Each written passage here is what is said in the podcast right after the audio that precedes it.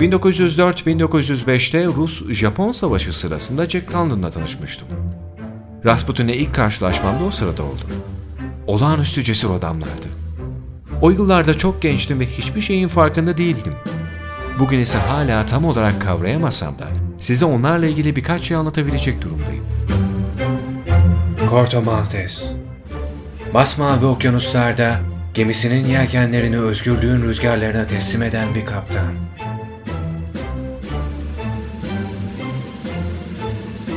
Umutsuz bir romantik. Merhaba Corto Maltese. Hey, ne kadar da güzelsin. Buenos Aires'te Parda Flora kabaresinde dinlediğim bir Arola tangosunu hatırlatıyorsun bana. Orada bana benzeyen birini gördüğünüz için mi?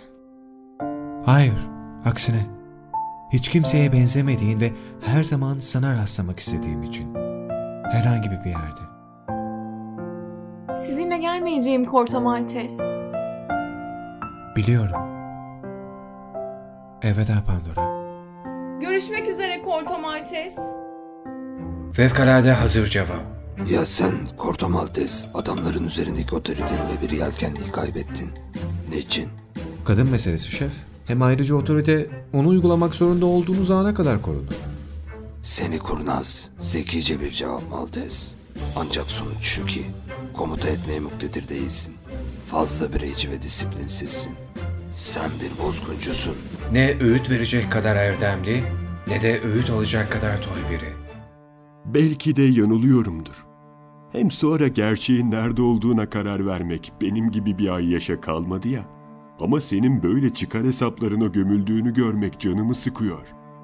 Bana bütün hesap işlerinden tamamen uzak biri gibi görünüyorsun çünkü. Planlardan. Bütün bu gündelik acıklı şeylerden. Dinle ihtiyar. Çok uzun zamandır bütün sorunlarımla tek başıma yüzleşiyorum ve seni temin ederim. Karşıma çıkan herhangi bir biri böyle istiyor diye değişmeye de hiç niyetim yok. Seni yanıma aldım çünkü senden hoşlandım ama işi beni denetlemeye vardıracaksan yanlış adrestesin. Görüyorsun ya Steiner, ben başkalarına öğüt verecek kadar ağır, oturaklı biri değilim ama öylelerinden öğüt alacak biri de değilim. Bundan böyle çocukça şeyler yapma ve bırak nasıl istiyorsam öyle yaşayayım.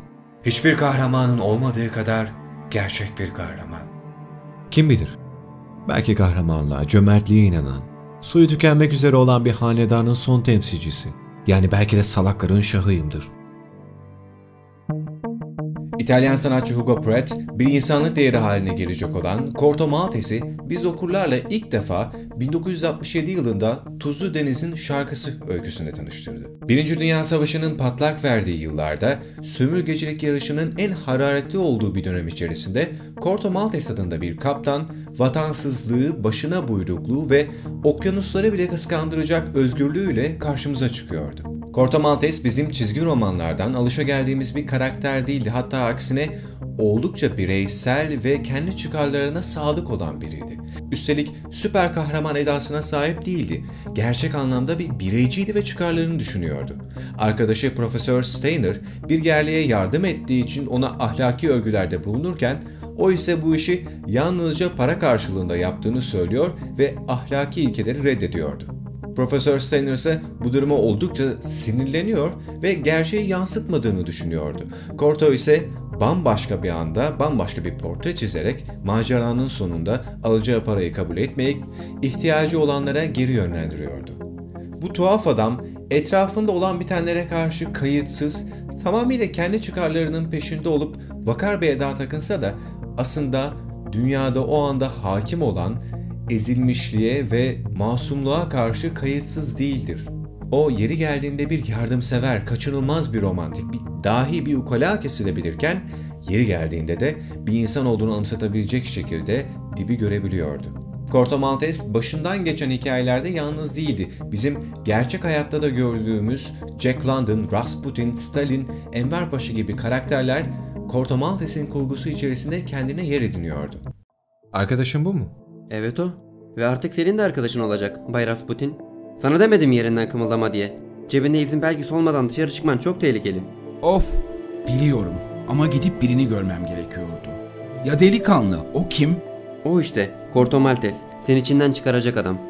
Pek sevecen olmamasına karşın Rasputin Corto'nun kadim dostlarından yok, düşmanlarından biri sayılabilirdi. Hatta öyle ki yeri geldiğinde birbirlerini öldürmek için fırsat kolluyor ama kadim çıkarları yüzünden de bunu bir türlü başaramıyorlardı. Kaptan Rasputin, işte karşınızda Kaptan Kortomaltız. Mükemmel. Uzun zamandır Panama'dan beri görüşmedik hatırlıyor musun? Escondida. Keşiş eski dostlar. Ah ne güzel günlerdi. Ama seni St. Kitts'te hem de benimle aynı işin peşinde görmek ne büyük rastlantı. Hep ayağımın altına dolanıp duruyorsun. Benim kaderim bu. Şu Portun Real hikayesi olmasaydı seni şu an öldürebilirdim. Ya da sana küçük bir anı bırakabilirdim. Burnunu kesebilir ya da gözlerini oyabilirdim mesela. Gördün mü? İkisini de yapabilirdim sana. Senden hiçbir zaman hoşlanmıyorum çünkü. Korkuyorsun değil mi Corta Martes? Ne yazık yumuşak bir kalbim var.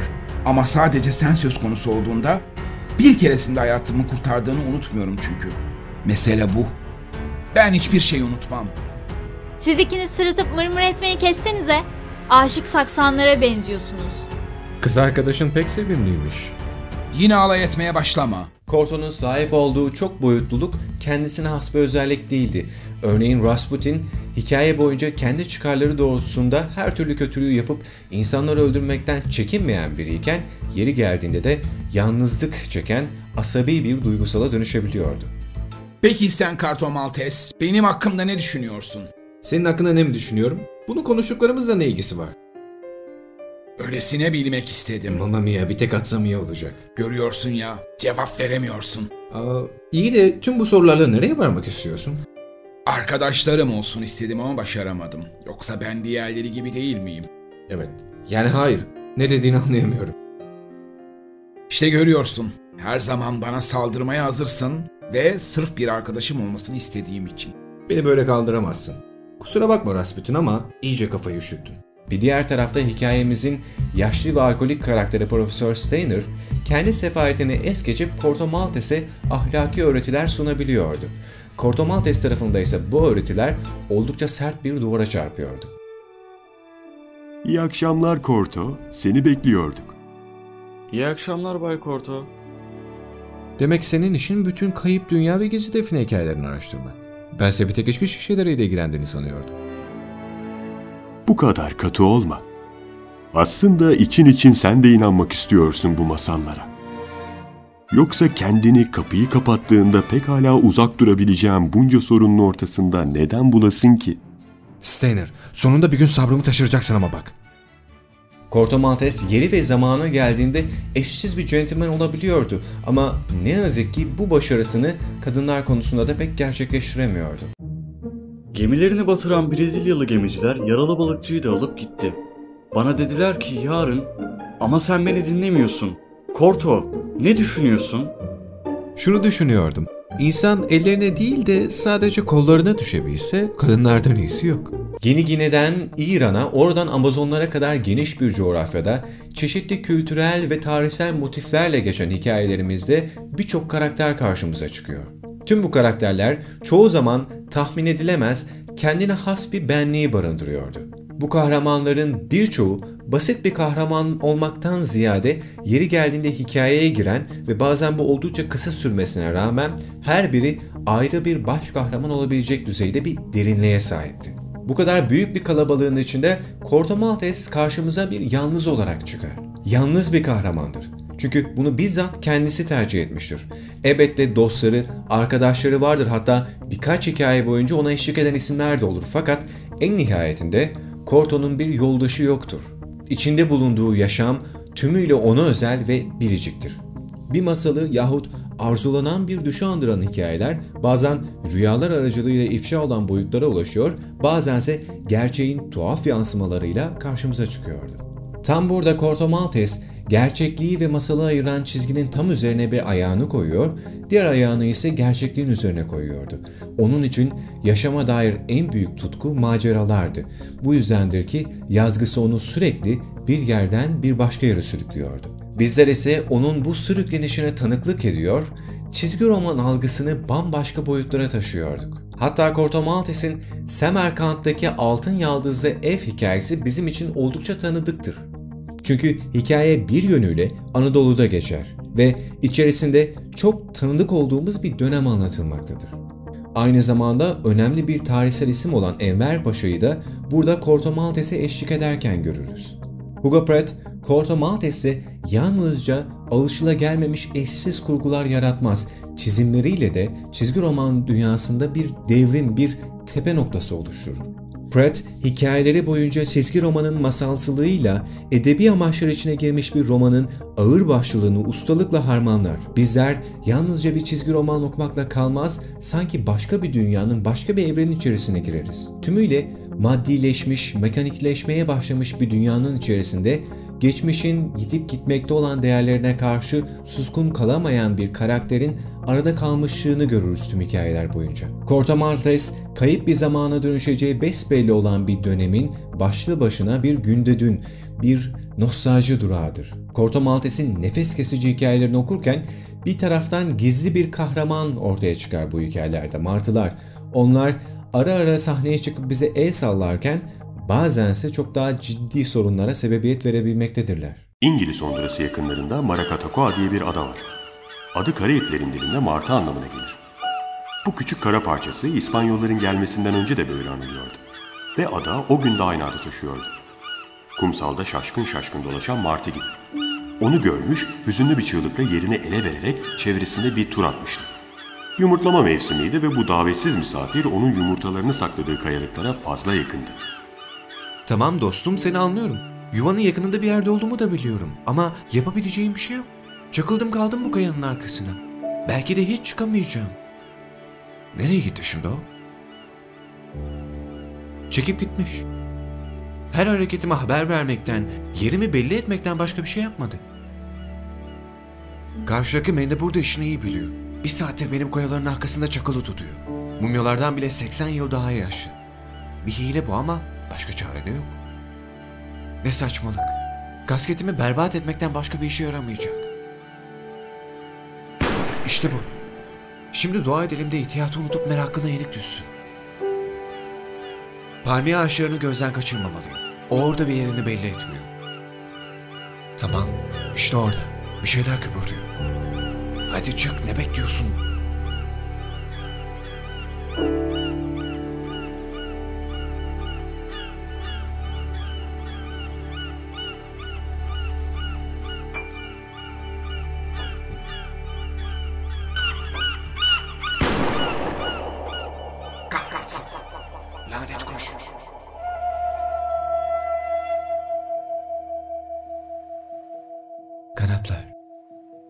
Kanatlar ne kadar da büyük.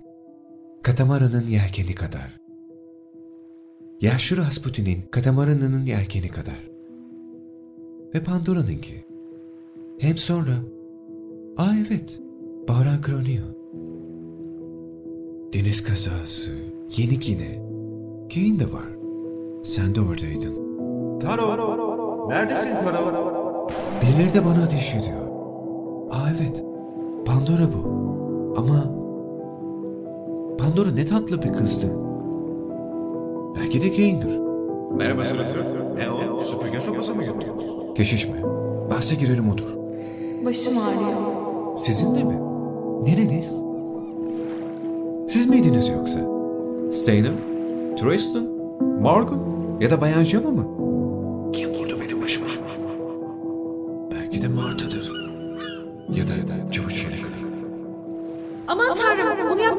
İstememiştim. Yaralandınız mı? Hayır.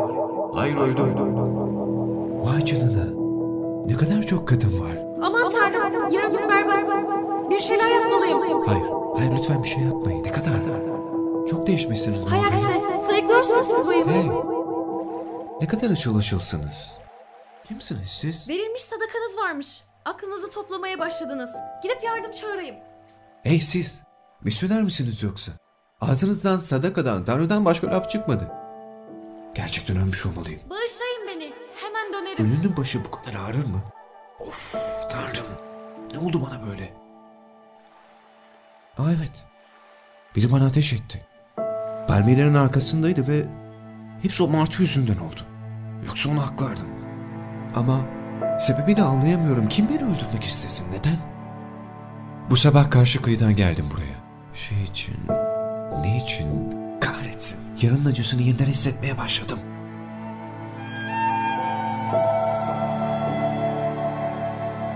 Ne yapmaya geldim ben buraya?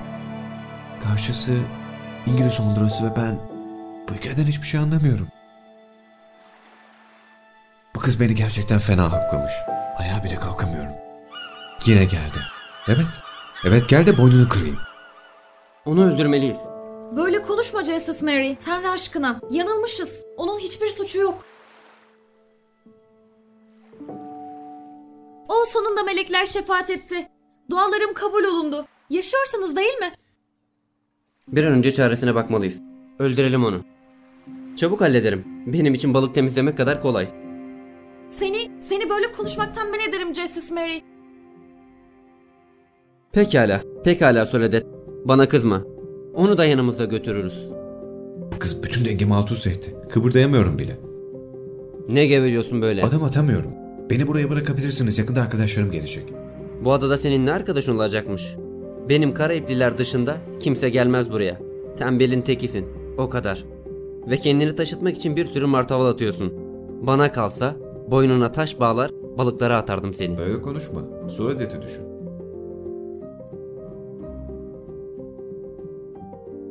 Siz polistiniz değil mi? Değilsen farklı mı olurdu? Hiçbir şey fark etmezdi.